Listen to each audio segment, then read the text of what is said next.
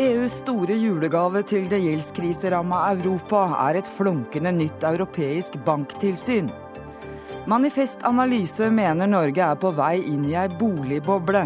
Finansnæringens hovedorganisasjon er ikke enig i det, og det blir debatt. Det bør koste 5000 kroner å skyte ei rype, mener zoolog, som møter Jeger- og Fiskerforbundet til debatt.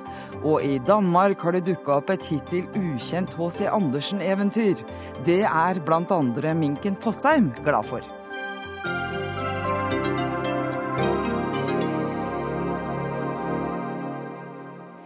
Velkommen til Dagsnytt 18 her i NRK P2 og NRK2, i studio Eva Nordlund.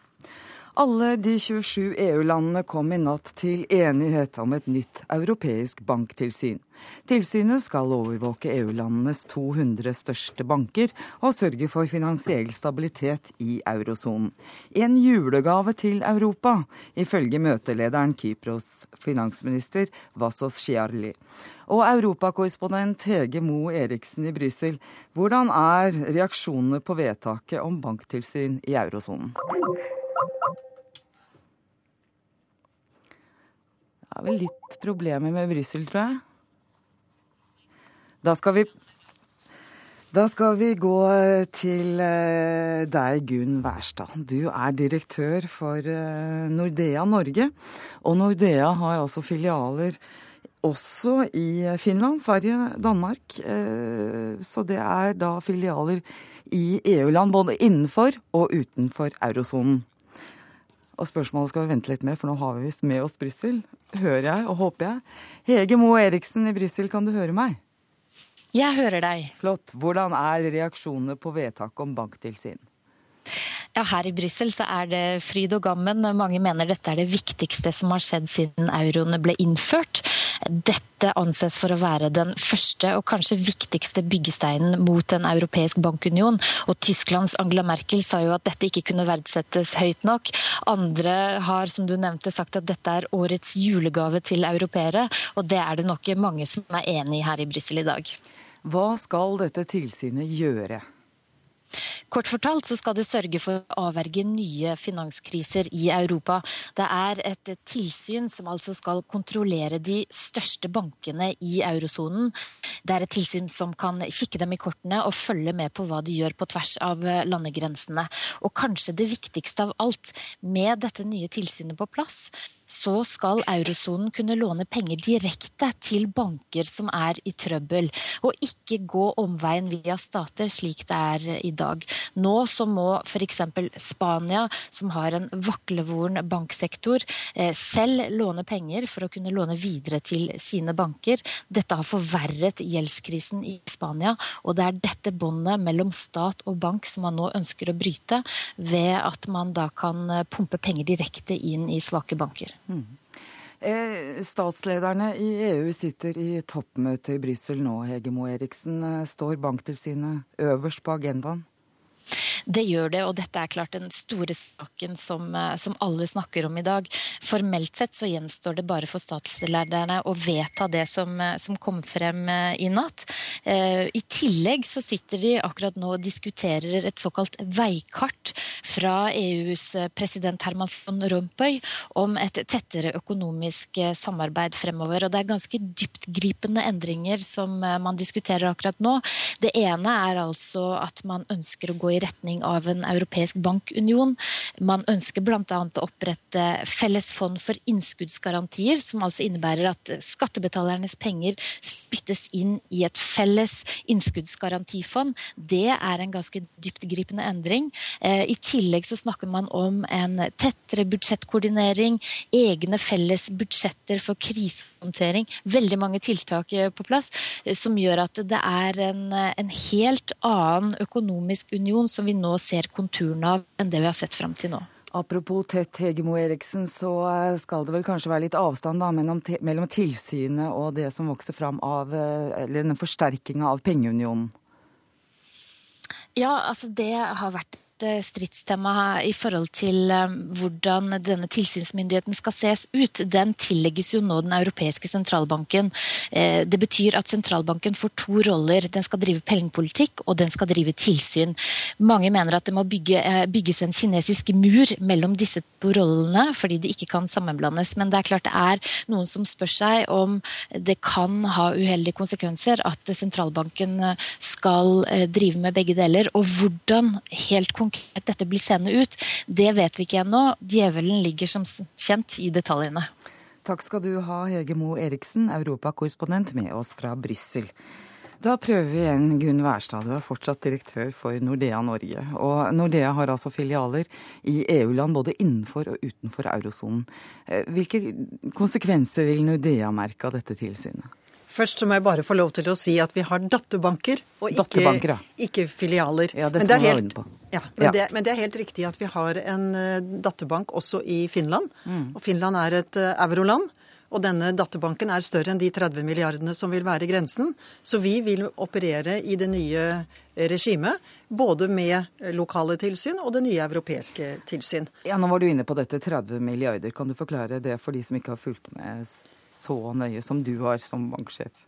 Det som er beslutningen, er at dette felles europeiske tilsynet i hovedsak skal rette seg mot de bankene som har en balanse som er større enn 30 milliarder euro. Mm.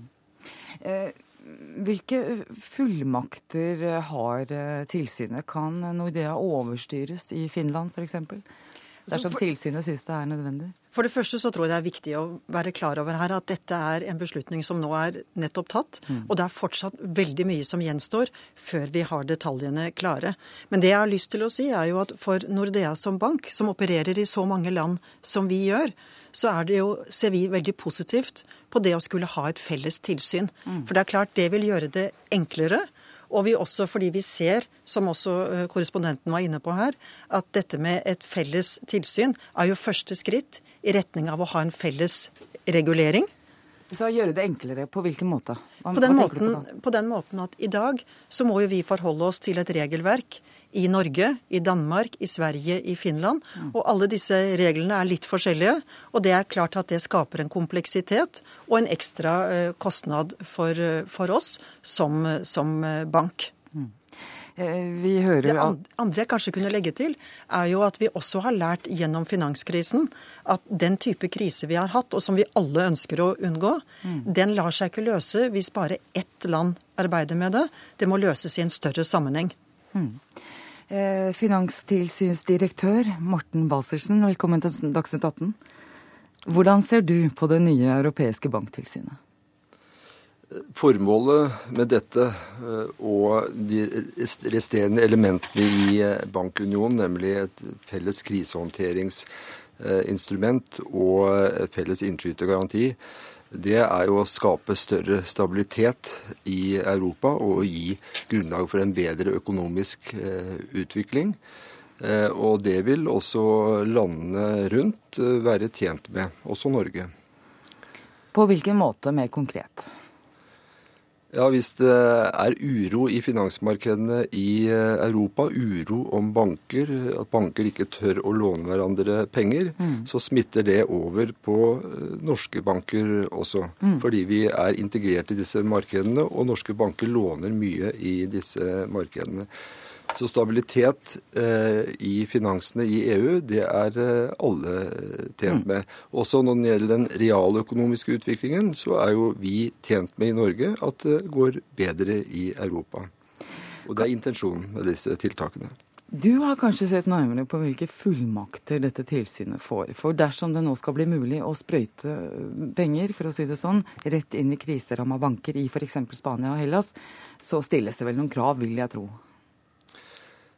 Nå er detaljene i dette ikke klart eh, på langt der, som Gunn Wærsted her eh, sa, så jeg skal være forsiktig med å angi nøyaktig hvilke fullmakter det er. Men det vil jo være et tilsyn eh, som har eh, fullmakter til å drive tilsyn med banker. og Det kan være da vurdere konsesjoner, eh, gi pålegg, eh, se til at kapitalkravet er oppfylt, vurdere om de har robust finansiering mm.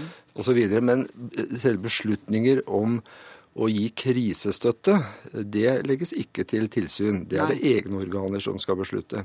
Mm. Ville du anbefale at, at Norge også kobla seg på her? Har vi noe å hente av å være med i dette tilsynet? Vi hører jo at det er land utenfor eurosonen som, som skal være med på et vis. Nå er dette mye et politisk spørsmål. Eh, det er nok sånn i utgangspunktet slik Nå er det nok vanskelig å tenke seg at land utenfor EU skal delta i eh, et eh, tilsynssamarbeid og påfølgende samarbeid om felles innskytergaranti og krisehåndteringsmekanisme. Det er nok vanskelig å tenke seg. Du nikka, Verstad. Hva til hva? jeg vil bare si, si, at vi driver bank, vi driver ikke politikk. Dette er politikerne som må, må bestemme, selvsagt. Men sett fra å drive bank, så ville det være enklere hvis man har et felles regelverk å forholde seg til. Men jeg tror det er viktig å være klar over at det som er besluttet nå, det er ikke felles regelverk, det er kun et felles tilsyn. Mm. Så både dette med regelverk og dette med innskuddsgaranti, det er jo noe som ligger frem i, i tid, mm. men som alle nå tror at man beveger seg i retning av. Men, men det er et godt stykke frem dit, det vil jeg understreke. Ja, for, for, felles regler trenger vel ikke til enhver tid å være det beste sånn ut fra f.eks. egenkapitalkrav, hvis det skulle være lavere i, i pengeunionen eller i en bankunion, så ville det kanskje ikke være noe bejubla fra Norge. Jeg ville faktisk tro at alle land ville være tjent med at det var like krav. Og så kan man diskutere hvor strengt kravet skal være. Mm. Men det at man har forskjellige regler og mm. forskjellige krav, det gjør jo at konkurransesituasjonen blir ulik. Så hvis vi tar norske kunder, så vil det være en fordel at de bankene som opererer i Norge, som er norske banker, det er nordiske banker, det er europeiske banker, det er internasjonale banker, mm. at man var trygg på at det var de samme rammebetingelsene, og dermed hadde like konkurransevilkår. Så dette mener jeg vil være til fordel både for institusjonene, men også for, for, kundene. Og som også tilsynsdirektøren sa, jeg tror også for økonomien og for den økonomiske veksten. Mm. Men jeg understreker at vi som bank er jo også opptatt av at kapitalkravene faktisk må være strengere enn det de var før mm. finanskrisen. Så dette er ikke om å gjøre å ha lavest mulig. Nei, dette er å ha likest mulig. Mm. Vi har også med oss økonomikommentator her i NRK, Steinar Mediås. Det er eh, viktig med banktilsyn, det er vel de fleste enige om. Men det løser kanskje ikke den økonomiske krisa som eh, vi ser i EU i dag? Nei, det gjør nok ikke det. Men, men det, er jo et, det, det, vil kunne løse eller forhindre fremtidige kriser. Mm. Men det løser ikke den krisen vi er midt oppi. Eh, Hellas er like konk i dag som eh, det var før man kom med på dette med tilsyn. Mm. Eh, så, så, og det er på mange måter problemet. At eh, nå ønsker Europa å fremstå som litt høy og mørk, og at nå skal ting bli i orden, og skal bli, alt skal bli på stell. Mm. Eh, og det kommer etter hvert også nye regler. Eh, krav til egenkapital skal også bli mye sterkere. Basel 3 er nett nevnt, det skal ligge rett bak neste sving. Mm. Og da må slike systemkritiske banker banker som Gunn Wærstedt og DNB og sånt, å ha 18 egenkapital, tror jeg det er. Eh, og der er vi nok langt unna. Britene har allerede bedt om å få dette utsatt. Så Europa er jo der hvor det lenge har vært. At politikerne vet hva de bør gjøre, men de vet ikke hva de vil gjøre for å beholde makten. Hva tror du blir den viktigste funksjonen til dette tilsynet? Ja, Det er å forhindre at eh, land eh, opptar gjeld som de ikke kan betjene. Fordi det er det som på mange måter er det vi nå ser, at mange land er i den situasjonen at de ikke kan betale gjeld. Og, og, og dermed så må dette strammes betydelig inn. Mm. Og det gjøres det nå. Dette er jo på mange måter Mario Drages, sentralbanksjefen i eurosonen, siden mm. sin store seier. Han får mye strammere kontroll over det som nå skjer rundt omkring i de mange land. Men vil de også få eh, litt mer kontroll med bankenes utlånspolitikk? Jeg vil tro det. at uh, Også her i Norge vil vi se større forskjeller nå på hvordan, uh, hva slags rente folk får, f.eks. Mm. Avhengig av hvor mye sikkerhet de har muligheten til å på, legge på bordet. Og, sikker, og det var det som var det tragedien, tragedien her. At uh, på mange måter fikk jo Hellas samme lånebetingelser som Tyskland når de begynte virkelig å låne langt over pipa. Og det var jo en ulykke. De seilte jo inn på en kredittverdighet som ikke var deres egen, og nå sitter de med en gjeld de ikke kan eie lenger. Så hører vi nå at dette skal åpne for at det kan sprøytes penger inn direkte i kriseramma banker i f.eks. Hellas og Spania. Da. Hva kan det komme til å bety på litt kortere sikt? Ja, Det vi ser nå, er jo at uh, på mange måter håndteres denne krisen ved å skyve egentlig årsaken fremover, uh, foran seg. Man, uh, man, trykker penger, som det heter, og, og, og, dytter dette inn i banker som, og, og, systemer som ikke greier å gjøre opp den gamle gjelden. Man refinansierer gammel gjeld med nytrykte penger. Og gjelden blir bare større av det. Så, så problemet er altså ikke løst, det blir bare større. Men det som har skjedd i dag, er et viktig grep for fremtiden, og også et signal om at Europa ønsker å ha strammere systemer som skal gi troverdighet ut utad. Det er, ikke, det er, veldig viktig for Europa nå å fremstå med troverdighet. Og, og, og, men Det er nesten litt patetisk å høre gang på gang europeiske ledere si at fra nå er alt så meget bedre. Dette er en stor dag for Europa osv. Og det er altså ikke slik at dagen i dag har løst Europas økonomiske krise eller gjeldskrise. Den har altså lagt rammer for en fremtidig håndtering av fremtidens kriser. Har det slått ut på sånne parametere som det er eh, populært å peke på, da, som euroens verdi og, børsene og sånn? Jeg må innrømme at jeg har ikke sett på euro. Det tipper jeg Gunn Wærsted vet mer om. Gunn Wærstedt, har du sett på? Jeg har faktisk ikke sjekket det. Men jeg, men jeg tror nok det vil bli oppfattet som positivt på den måten at man får tillit til Europas vilje til å gjøre noe. Og som blir sagt her, så er det viktig å få frem at dette løser ikke dagens krise. Men det reduserer eller gjør sannsynligheten for en fremtidig krise mye mindre. Mm. Og den tror jeg er viktig for folks generelle oppfatning og tillit. Men siden, eh, siden, du sa at dette er politikk, og det er det jo selvfølgelig, så er det jo også spørsmål om, eh, om hvordan finansinstitusjoner vil navigere. Mm. Fordi at kravet til egenkapital, som nå kommer rundt neste sving, altså Basel 3, som Baltersen kan mye om. Mm. Eh, det henger også sammen med at vi, bankene er ikke lenger banker, de er finansinstitusjoner som tar betydelig risiko. Hadde de delt opp disse tingene slik som de var i gamle dager, for å si det sånn, noen vil si gode gamle dager, så hadde ikke kravet til egenkapital vært så omfattende som det nå blir i neste runde. Vil du ha en kommentar, Baltersen? Ja, jeg vil si at eh, Når det gjelder harmonisering av krav, så er det i stor grad harmonisert eh, i EU og da for Norges del i, i EØS allerede. Og der kommer det nye krav. Eh, og det ville komme uavhengig av dette felles banktilsynet. Og de vil være basert på såkalt full harmonisering eh, og også felles tilsynspraksis. Så noe av denne eh, harmoniseringen som Gunn Wærsted her etterlyste, den vil nok komme uansett, og den vil også omfatte Norge. Og når de kravene kommer, så vet vi hvem vi skal invitere, for dette kan du alt om. Takk for at du kom til, søndags, til Dagsnytt 18 her i dag. Takk til dere.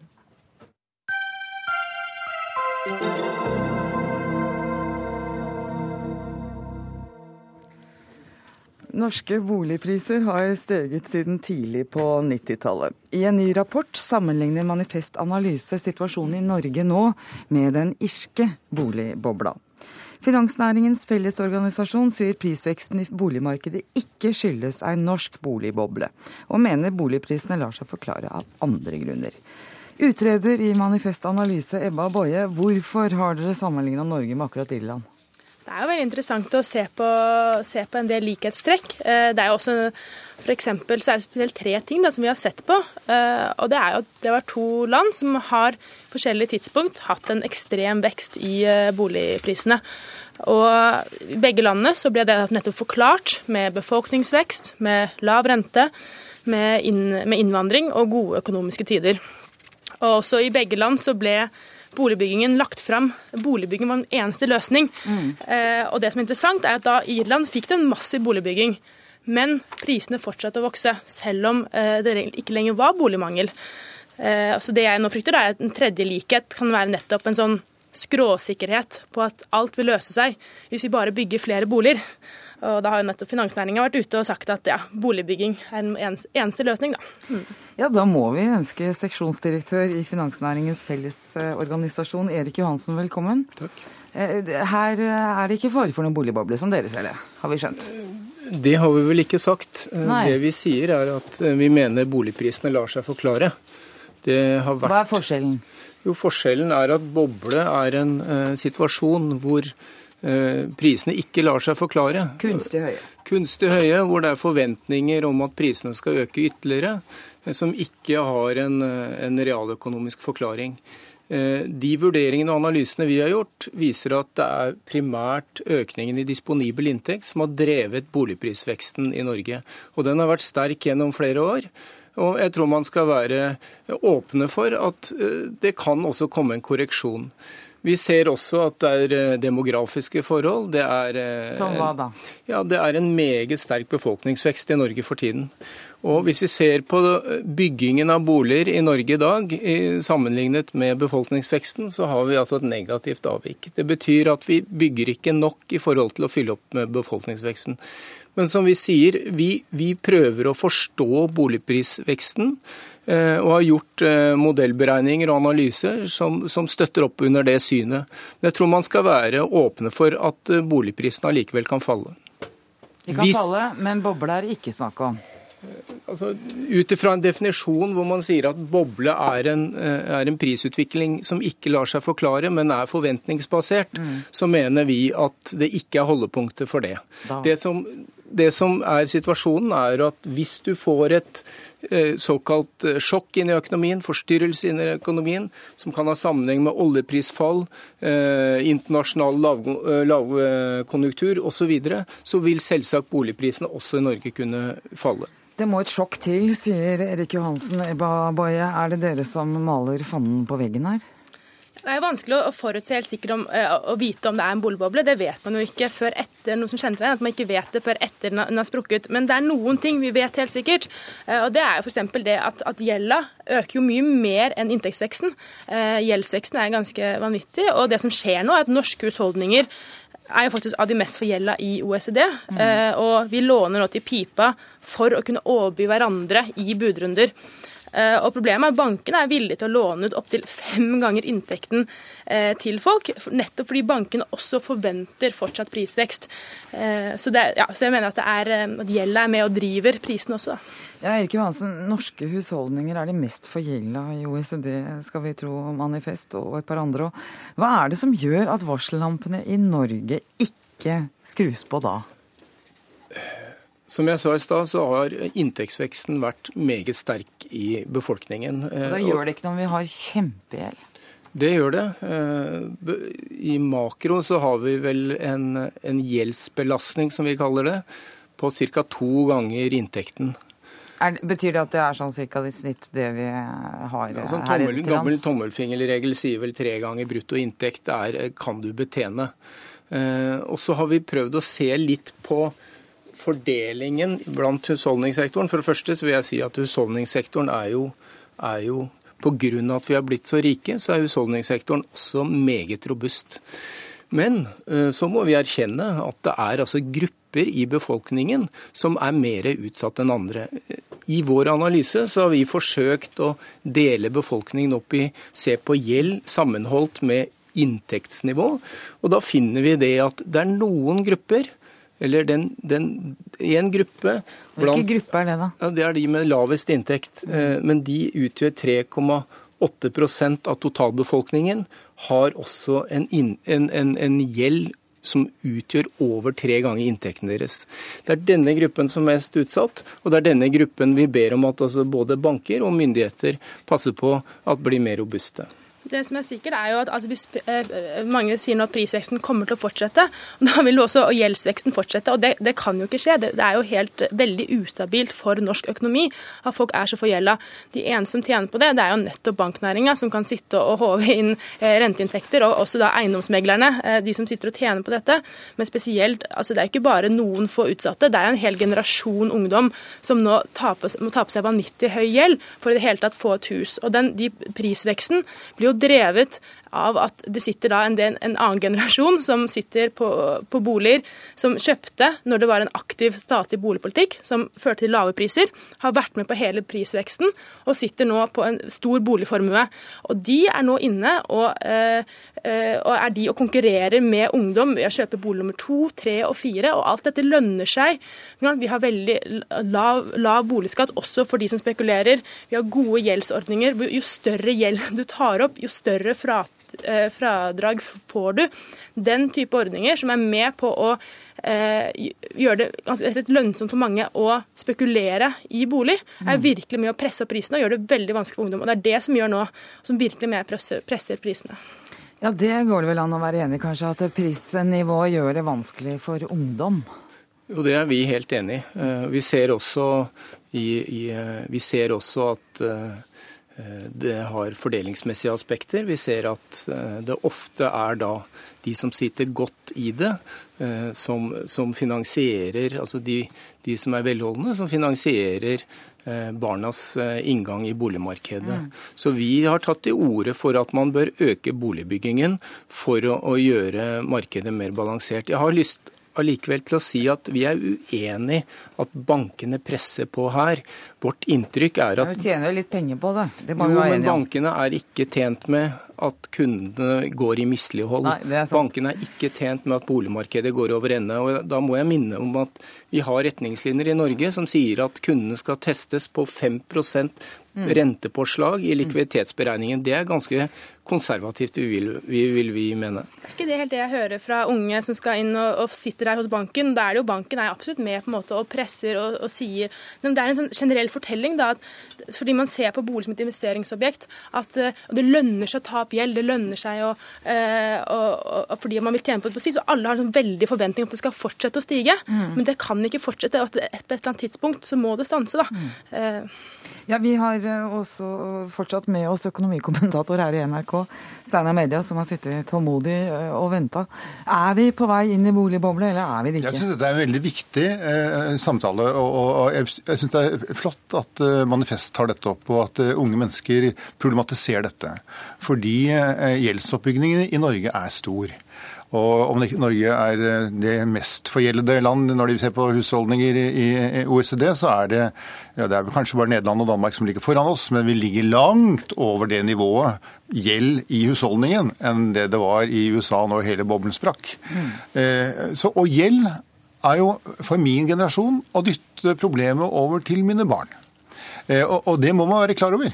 Så når jeg ser Dagsrevyen intervjue mennesker på min egen alder som sier nå er det på tide å låne litt på huset så vi kan ta oss en ekstra ferie i Syden, så er det på bekostning av sine barn og barnebarn.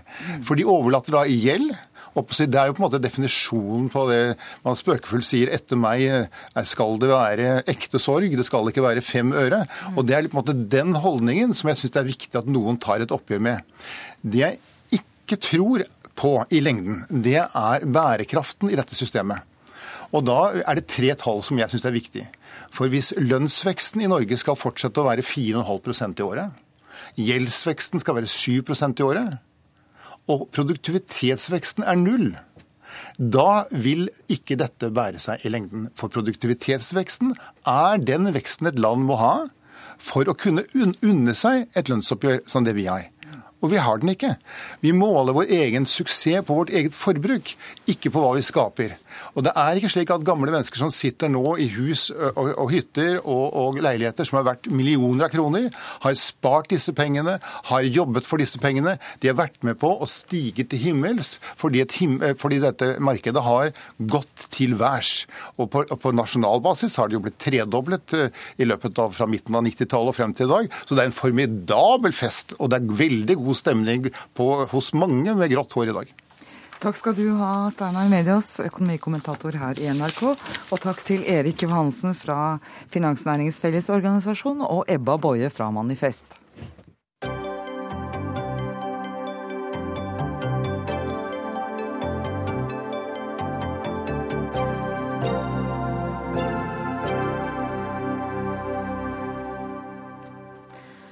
Hva ønsker vi å se i fjellet? Ryper, snøugle, jaktfalk og fjellrev? Eller rypejegere og tomme haglpatroner?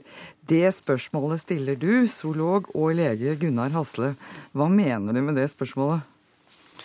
Jeg mener at eh, jakten i det omfanget, rypejakten i fjellet det omfanget det skjer i dag, eh, det høster ut så mye av rypene at det blir lite mat igjen til disse rødlistede artene som vi er internasjonalt forpliktet til å ta vare på gjennom Bernkonvensjonen, gjennom Naturmangfoldkonvensjonen og i norsk lovgivning med naturmangfoldloven og viltloven, at vi skal ta vare på økosystemene i sin helhet. Så en forvaltning kan ikke bare se på antallet ryper, for rypene tar seg opp, de formerer seg fort, og skyter man dem bort, så kan man vente noen år, så formerer de seg igjen. Men det å ta ut 200 000 500 000 ryper hvert år, som ellers kunne ha tilfalt rovdyrene, det vil gjøre at rovdyrene da går glipp av disse, disse rypene. Tar maten ut av nebbet til rovfugl? Ja, Som vi er internasjonalt forpliktet til å ta vare på, og som vi gjerne vil se i fjellet. Skal vi nevne Gunnar Hasle, at du har vært med på de såkalte rypetakseringene som Universitetet i Ås har stått for. Og så vil du, har jeg sett eh, i et innlegg i avisa Nasjonen, du vil begrense rypejakta og kreve 5000 kroner per rype for jegere som ikke er grunneiere. 500 kroner, 5000 kroner fra rype, det høres litt mye ut? Ja, altså det, det, er et eksempel på hvordan man kunne gjøre det. Enten må man gjøre det med kvoter, det vil jo være det mest rettferdige. Eller så kan man gjøre det med, å, med å, eh, at, det, at, det, koster penger.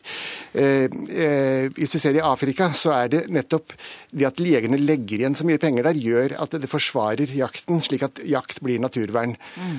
Jeg holder på med et safariselskap nede i Tanzania så kjenner litt til nasjonalparkene der nede. så Celos Game Reserve, der er det altså 80% av inntektene de får, er av de 400 jegerne inntektene, og så er det 20% av inntektene er fra de 2000 som går på fotosafari.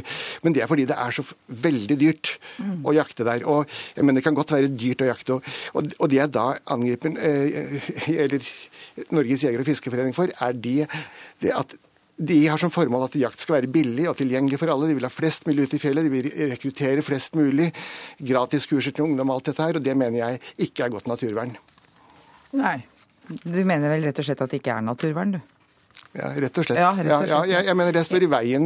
Altså, det har vært mye bedre om det var så få jegere som gjør, ikke at det er så mange jegere som gjør. Så det er en klar interessemotsetning mellom naturen og jegerne. Nå må vi slippe til jegerne. Det er på høy tid, tror jeg. Generalsekretær i Norges jeger- og fiskeforbund, Espen Søylen, hva sier du til dette? 5000 kroner for ei rype? Ja, Dette er et skikkelig bomskudd, for å bruke vår sjargong. Ja, altså, det, det må jeg si. Vi har et mål om at jakt skal være tilgjengelig for alle. Det er i tråd med den norske urgamle jakttradisjonen situasjonen. Det er omkring 55 000 rypejegere som, eh, som, vi kan registrere i dag, som, som riktig som Gunnar Harsel sier, skyter eh, i fjor kanskje 180 000 ryper.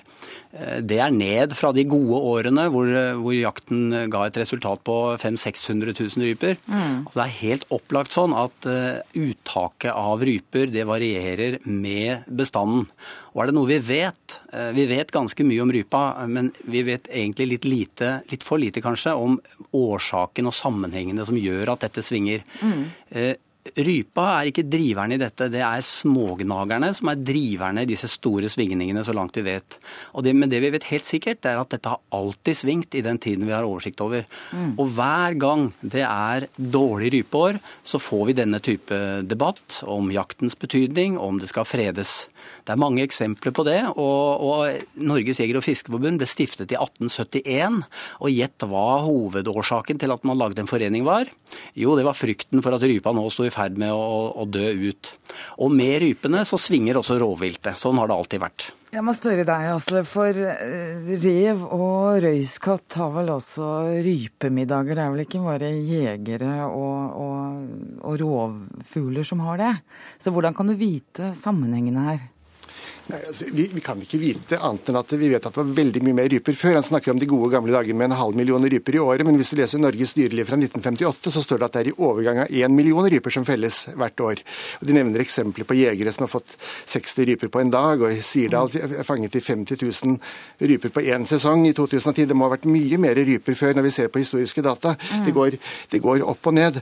Eh, men, men det er riktig at eh, hvorfor det, eh, hvorfor det svinger. Der, der er det andre ting enn jegerne som spiller inn. Men det er i de gode årene at, de, at de rovdyrene kan ha gode yngleår. Mm. Jo, men dette er jo dette vet vi, og, og, De gode gamle dagene er en fiksjon. De gode gamle dagene er, fantes aldri. Det har gått opp og ned, og det har vært svart år innimellom. Og så er det riktig at vi har hatt noen ekstreme eh, toppår. Men de, de, altså de som er best til å beskytte rypa mot den type inngrep som virkelig truer eh, livsgrunnlaget til viltet, det er jo jegerne, som er ute i naturen året rundt og er opptatt av at rypa og annet vilt inklusiv rovvilt, skal ha de beste oppvekstvilkår som er mulig å få. Men avviser du helt at eh, jegere kan ta middagen fra rovfugler? Det er en veldig enkel logikk, men, eh, men rovfuglene har altså andre ting å leve av også enn eh, rypene. Rovfuglene flytter seg over store områder på sine næringssøk, og det er ingenting i den forskningen vi har tilgjengelig som tyder på at jakten er en vesentlig faktor i bestandsutviklingen for ryper og annet småvilt. Ja, Jaktfalken er jo en rødlistet art, og den er rypespesialist. Den kan kanskje spise andre ting, men det er jo ryper den vi først og fremst lever av. Det er helt opplagt. og jaktfalken er, Før så kalte vi den rypefalken. og Det er nok mange jegere som har følt på konkurransen eh, fra jaktfalken når det er lite ryper i terrenget. Fugl, fantastisk. Men det er altså andre ting som er en trussel mot, mot jaktfalken enn en mangel på ryper. Mm. Jaktfalken kan jakte over enorme områder, og det er altså alltid en rype eh, til jaktfalken. Ja, det er, eh, det er gjort eksperimentelt. Faktisk ble publisert for et år siden av Sandercock i, i, Trøndelag, hvor de, gjorde, hvor de fanget ryper et område hvor de ikke fanget, et område hvor de fanget 15% et område hvor de fanget 30% Og Der var det en god del jaktfalk, sånn at den naturlige dødeligheten var først og fremst pga. jaktfalk. Og de fant da en, en, reduksjon i naturlig dødelighet der hvor de fanget ryper. Og Det sier jo meg at da har jaktfalken fått mindre mat. Det er ikke noe annen måte å se jo, det på. Det er helt opplagt. Jaktfalken er, en, jaktfalken er jo avhengig av ryper. Og blir det veldig lite ryper, så er det også mindre mat til jaktfalken. Det er jo en enkel logikk. Ja, jeg tror vi skal være enige om det. Da ble dere enige om noe. Takk skal dere ha, Espen Søyli Hegling fra Jeger- og Fiskerforbundet og Gunnar Hasle, zoolog og lege.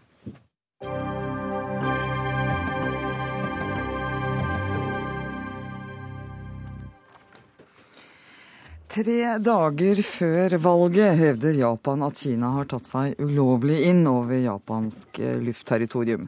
For første gang siden registreringa av flytrafikken der starta i 1958.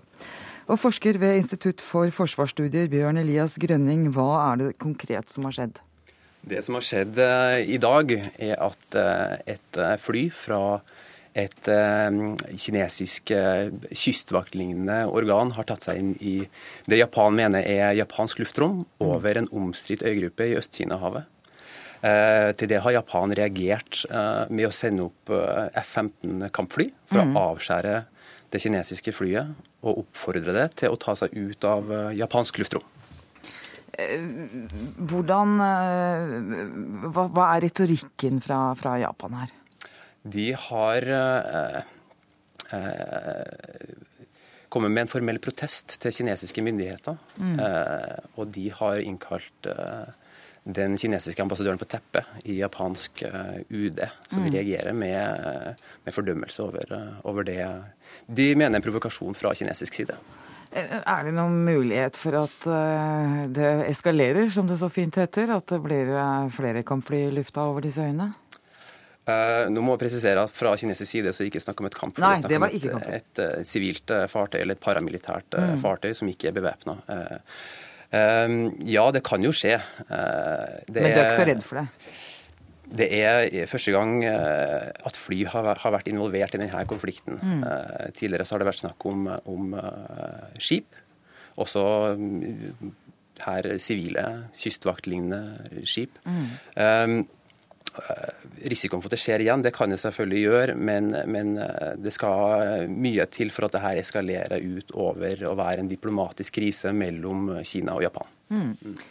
Henning Christoffersen, du jobber i det norske Veritas, og du er Kina-kjenner. Hvordan vil du beskrive forholdet mellom Kina og Japan nå? Det er jo vanskelig, og har vært vanskelig lenge. Og det har en, eh, ikke minst en historisk dimensjon. Eh, og så faller jo dette her sammen med 75-årsmarkeringen for Nanjing-massakren eh, i 37. Så det er litt hårsårt? Det, det, er det. Og det, mm. det, har det vært lenge, og det kommer nok til å være lenge også mellom Japan og Kina. Og Kina er jo i den posisjonen nå at de er vesentlig større og sterkere nå enn de var for noen tiår siden. Og det er klart at det gjør gjør eh, mange av Kinas eh, naboer eh, litt skremt om dagen. Du, hva er det som er så viktig med disse øyene hva blir det, nordøst av Taiwan omtrent? Mm. Ja, altså, I utgangspunktet så kan det jo se ubetydelig ut. Små øyer, ubebodde. Det er altså olje- og gassressurser muligens der. Det dreier seg om shippingruter og, og det er fiskeressurser. Så, så, det har på en måte noe realøkonomisk over seg. Mm. Men, men, det er nok mye mer enn det. Det er en symbolverdi oppi dette. Så det er på en måte både historiske, og så har du det realpolitiske og økonomiske, og så har du det symbolene i det. Og så har du selvfølgelig det at Japan Japan eh, er, eh, har et nært forhold til USA. Så dette er ikke bare en Kina-Japan-sak. Dette blir fort en eh, sak som USA må inn i, og da er plutselig verden inn i det. Så det er en, ja, noen små øyer, men det blir fort ja, mye større. Du kaller det altså det er en slags global konflikt, sa du til oss tidligere i dag. Altså, det kan fort bli? Ja, så det har i hvert fall potensial til å bli det. Nå mm. tror jeg partene her er så veldig klar over hvor mye som er å tape hvis man skulle skalere denne konflikten. Så jeg tror ikke at det kommer til å skje. Eh, men det er klart at eh, denne saken har potensial til å, bli stor og ta med seg mye. Hvordan vil du si at eh, Kina Vi var inne på at blitt, vi har et mer frimodig Kina. Men opptrer i sine nærområder litt sånn generelt? Altså, det er jo interessant, for De siste 10-15 årene så har jo Kina hatt en veldig aktiv politikk, strategi, på nettopp å gjøre seg til venner med sine naboer. Bygge opp et sterkt eh, hjemmemarked, bygge opp et sterkt forhold til sine naboer, både økonomisk og politisk, for nettopp å gjøre seg mindre avhengig av Vesten og sterkere hos seg selv og sine naboer. Men de siste ett og et halvt til to årene så har vi sett et vesentlig mer selvsikkert Kina, mm. vesentlig mer aktivt Kina eh, i sine nærområder, noen vil si mer aggressivt. Eh, og det har vist seg på mange områder. og og, og blir tydelig i denne, denne, konflikten. Og det, det, skremmer jo Kinas naboland. Er du enig i den analysen, Grønning? Det er eh, viser seg tydelig fra Japans side at de opplever Kinas uh, atferd i, i, nærområdene som uh, mer selvhevdende. Mm. som du sier, også muligens mer, mer, aggressiv, og det reagerer de også på i sin egen utenrikspolitikk. Vi ser et, et, Japan som viser seg mer og mer villig til å dytte litt tilbake mot et Kina de opplever som tar større plass mm. internasjonalt. Ehm, og de ser også på Kinas vekst som en følge av, av denne utenrikspolitikken som en større trussel enn det har vært tidligere. Så vi ser en utvikling på Japans side i sikkerhetspolitikken og utenrikspolitikken, spesielt vis-à-vis Kina, men også vis-à-vis, som du nevnte, allianseforholdet til USA. At de ønsker å knytte USA tettere til seg militært, forsvarspolitisk, samtidig som de, de, de opplever Kina som en større trussel og, og er villige til å la forholdet til Japan går på bekostning av forholdet til Kina, som selvfølgelig er en veldig viktig handelspartner for, for Japan. Og hva gjør USA da? USA, Konkret i denne konflikten så har USA eh, for første gang i 2010 stilt seg bak Japan diplomatisk og sagt at de, eh, hvis Kina gjør et militært utfall mot, eh, mot Japan i, over de her øyene, mm. så vil de stille seg bak Japan og forsvare de militært. Fordi øyene formelt sett er under japansk administrasjon og slik sett omfattes av alliansen mellom Japan og USA. Dette er uttalelser som har blitt gjentatt flere ganger i ettertid, og senest for bare noen uker siden, hvor, hvor Kongressen i USA vet vedtok at det her er slik de vil forholde seg til en, til en konflikt mellom Japan og Kina i det her omstridte området. Mm. Kristoffersen, eh, så vidt jeg husker, så, så sa du til oss tidligere i dag at Kina tjener på å ha en konflikt på vent. Var det ikke det du sa? Ja, altså eh, Det jeg nok mente med det, det var at eh, Kina vil alltid eh, utsette enhver konflikt. De har en ikke-innblandingspolitikk. Mm. Selvfølgelig vanskelig å opprettholde i dagens verden, hvor Kina i praksis er inne i veldig mange land. Mm. Men Kina vil alltid opprettholde et økonomisk samkvem, et økonomisk handel, og parallelt skyve unna alle mulige konflikter. Og kan ha det gående parallelt. De kan ha en politisk konflikt med et land og samtidig ha et tett økonomisk eh, handel og samarbeid. Eh, så vet selvfølgelig alle at eh, hvis, hvis konflikter blir satt på hold, så skjer jo det at Kina blir bare større og sterkere. Så på sikt så vil selvfølgelig Kina alltid tjene på den type holdning. Så det er jo, det er jo helt klart mange i Kina som hevder at Japan har, har da fremtvunget denne konflikten nettopp for å fritte ut USA og få USA på banen til å ta standpunkt nå, før Kina blir forsterket forsterke. Og det har de jo til en viss grad lykkes med. USA har jo så lenge det er mulig villet holde seg vekk fra denne, denne konflikten her, for det er fryktelig vanskelig for dem. Så, så det, er, det, er, nok litt eh, situasjonen, altså. Men det er også en annen side ved dette, og det er at eh, Kina de mener at de, de fortjener mer plass i verden. De er 1,3 milliarder mennesker, og det er jo ikke en strategi verken for nærområdene eller resten av verden å kun demme opp for Kina. Så her er det på en måte begge deler som Kina og verden må, må på en måte finne ut av hva, hva Kina skal være som en stupemakt de neste årene. Vi får følge med på hva som skjer over disse øyene. Takk til deg, Bjørn Elias Grønning, og takk til Henning Christoffersen. Hør Dagsnytt 18 når du vil, på nettradio eller som podkast. nrk.no – dagsnytt 18.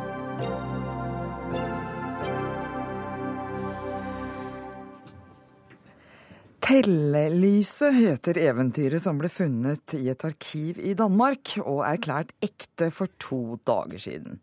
Eventyret kan være det første H.C. Andersen skrev, og har vakt stor internasjonal interesse.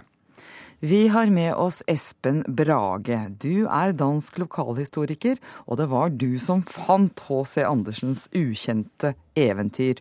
Hvordan gikk det for seg? Nu kan jeg jo ikke norsk, men I får den danske version. Altså, jeg har i 18 øh, år forsket i slægten Plum. Og øh, til den, med det formål så fik jeg rekvireret fire fysiske enheder fra Rigsarkivet i København til Landsarkivet i, i Odense. Og iblant de der mange, faktisk flere tusen dokumenter, som øh, dokumenter på plumslægten, som går helt tilbage i, til 1550, der stod jeg pludselig med et dokument, at jeg ligesom helt bestemt Altså nu har jeg haft mange dokumenter igennem hænderne, og jeg ved sådan ligesom, hvad der er betydning og ikke betydning. Og der kunne jeg simpelthen være klar over med det samme. Det var et helt unikt dokument, jeg har fundet. Et eventyr af H.C. Andersen dikteret, dikteret til Madame Bunkeflod. Og da det var sådan personligt rettet, så var jeg helt helt klar over, at det fandtes ikke andre steder. Jeg gik så til arkivaren og viste ham det der. Han blev helt, helt eksalteret over det, og så sagde han, han var H.C. Andersen-kyndig, og den titel, Tællelyset, den fandtes ikke i nogen af deres databaser. Og det, det er cirka to måneder siden, og så har forskerne, de har så haft, øh, de har så haft det til analyser og øh, forskning og her for to, øh, to døgn siden fik jeg så at vide, at, at det var helt unikt, som øh, var en meget stor sag. Og det, øh, og det, det har jeg også følt, for jeg har jeg er blitt intervjuet altså simpelthen af mange, mange medier. Alle, alle de medier i Danmark har jeg, så det er lige fra morgenstunden af, så jeg er nok lidt hæs at høre på. Men uh, du forstår godt hva jeg sier. Jeg forstår uh, hva du sier. Uh, spørsmålet er kanskje like med telefonlyden fra København. Men jeg må spørre. Hvordan reagerte du da du forsto at du, du sto der med et nytt manuskript av H.C. Andersen? Ja, nå forstår jeg ikke helt, men jeg, hva skal man si Jeg hadde straks, som jeg sa, fornemmelsen av at det var helt unikt. Og øh, øh, det her Du ble ganske glad, vil jeg tro. Hva sier du? Du ble glad, fornøyet. Ja, jeg var, jeg var klar på, at det var et helt unikt øh, manuskript. Og, øh, men nu er jeg vant til at, at, at forske sådan rent på amatørbasis, men alligevel har jeg en, en, en rimelig god fornemmelse af, hvad der, hvad der kan være vigtigt. Og jeg er også almen orienter, historisk orienteret, og derfor kender jeg også noget til H.C. Andersen. Jeg er ikke ekspert på området, men jeg vidste med det samme, at det, det kunne være et, et, der fuldstændig gik ind og, og, og ændrede den litterære opfattelse af H.C. Andersen. Og det har jo også vist sig, at, at det nok er historien, der skal skrives lidt om. Altså man, det er det første eventyr, at det blev fastslået, at det er cirka skrevet 6-7 år før han egentlig debuterer, altså på ude for den større offentlighed. Så det er et eventyr, der direkte dikterer til, til en bestemt person. Som Madame Bunkeflod, som var en, øh, som var en præsteenke. Hun øh, var enke i alderen 36 år og måtte flytte fra en præstebolig ned til en meget ydmyg bolig, der lå tværs øh, over for H.C. Andersens barndomshjem. Og øh, det var et meget kulturelt hjem. Altså hun, hun havde så medbragt hendes bogsamling for alle de klassi- klassikere, Shakespeare og så videre. Og dem har, har H.C. Andersen så haft adgang til, og samtidig så blev han jo stimuleret og, og at rent pædagogisk også. Øh, og det skriver han så det der digt, som kan omsættes noget lignende som en grimme ælling. Altså et tændelys, der egentlig ikke er noget. Det er hvidt, og så bliver det snavset. Og det er først, når det fyrtøjet, at man tænder det, og fyrtøjet, hvor Madame, Madame Bunkeflo han var selv tillyset. Vi må da si takk til deg, Espen Brage, med oss fra København. Og takk for at du har brakt oss et nytt H.C. Andersen-eventyr. Og velkommen til deg, skuespiller og barnebokforfatter Minken Fossheim. Dette er vel en gledelig nyhet? Ja, det er jo kjempespennende. Selvfølgelig. Altså En så stor forfatter. Det er klart at det er uh, utrolig spennende når det kommer noe nytt. Og det at det er det første uh, man egentlig kjenner, uh, faktisk ja, seks-syv år før de andre eventyrene han har skrevet. da. så ja, det er klart det er spennende. Du eh, tror den nye fortellingen av H.C. Andersen kan skape fornya interesse for forfatteren og hans verk. På hvilken måte? Har du hatt tid til å sette deg inn i hva, hva eventyret handler om? Ja, jeg har tittet på det. Har du? Og fortell. Ja, litt fort. Ja, altså, Det som er veldig morsomt, er at H.C. Andersen var jo veldig vitenskapelig interessert. Og filosofisk interessert. Og han eh, kom fra ikke så veldig store kår. Så som 14-åring så, så dro han til København og gikk på latinskolen, men han ville også bli sanger og eh, skuespiller. Eh, men han, fra han var liten, så skrev han og tegnet og sånn, men det fikk han beskjed om at det måtte han holde opp med med alt dette fantasivrøvlet. Sånn at han måtte da snu det han ville skrive, til å bli mer vitenskapelig. Og dette er da dette talglyset er eh, både symbolsk og, og fysisk en hva skal jeg kalle det, en, vitensk, et vitenskapelig eventyr. Hvor han uh, forteller om da Han nevnte det jo, denne herremannen, uh, at uh, talglyset følte seg ikke brukt. Altså det var ikke til bruk for noe. og ingen skjønte han hadde ikke, Det var ikke noe lys der. Dette handler jo om opplysningstid. ikke sant? Han var opptatt av opplysning.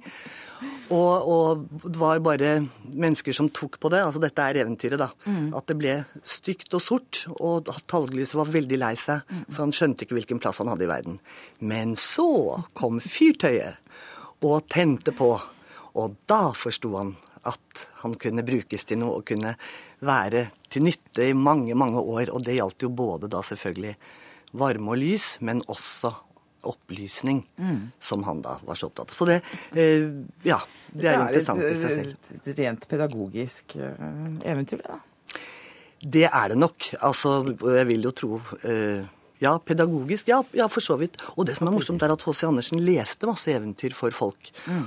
Og uh, han prøvde, prøvde, dem ut. Og når han følte at han ikke fikk helt uh, kontakt med publikum, så gikk han hjem og skrev det om og forsøkte det på nytt. Og han var veldig opptatt av som sagt da, å, å formidle opplysning og filosofi. Mm. Men han sa selv at 'jeg skriver det slik at børn kan forstå det'. At barna også eh, kan forstå det. Og han ville jo selvfølgelig at barna da også skulle lære av det. Selv om det da var spennende fortellinger. Du har lest H.C. Andersen-eventyr høyt i mange sammenhenger. Mm. Hva, har du noen favoritt? Går det an å snakke om det? Eller hva er det som gjør Nei da, du, jeg har mange favoritter egentlig. Men ett av dem er jo Den grimme elling, eller mm. Den stygge andungen. Mm. Eh, som er så klart, og det er så forståelig både for barn og voksne. Det er jo litt mobbing, og jeg tror det er litt selvbiografisk, fordi han følte seg utenfor. Han var spesiell. Mm. Både fysisk, han var lang og tynn og litt rar. Mm. Og også interessefeltene hans var veldig spesielle, da. Mm. Med vitenskap og filosofi, og han leste mye. Eh, men det at da denne stygge andungen ikke sant, eh, som blir til en svane, eller er en svane. Og det tror jeg han følte selv også. Eh, ja, Så det, det er et nydelig eventyr. Tusen takk, Minken Fosheim, for at du kom til oss og snakka om det som antagelig er H.C. Andersens første eventyr. Takk.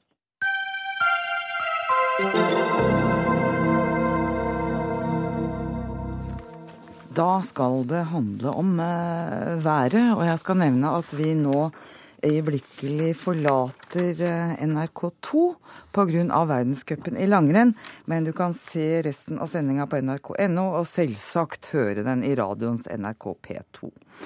Det er eh, snøkaos i Rogaland. Det er satt snørekord i fylket, og trafikken har stått i stampe store deler av dagen. Og reporter Inger Johanne Stenberg, du er med oss fra Klepp kommune. Hvordan er været der? Akkurat nå er det Det begynner å blåse opp. Bare den siste halvtimen, timen eh, jeg har vært her nå, så har eh, vinden begynt å, å, komme opp i litt høyere hastighet. Og det er mye snø som farer omkring til tider.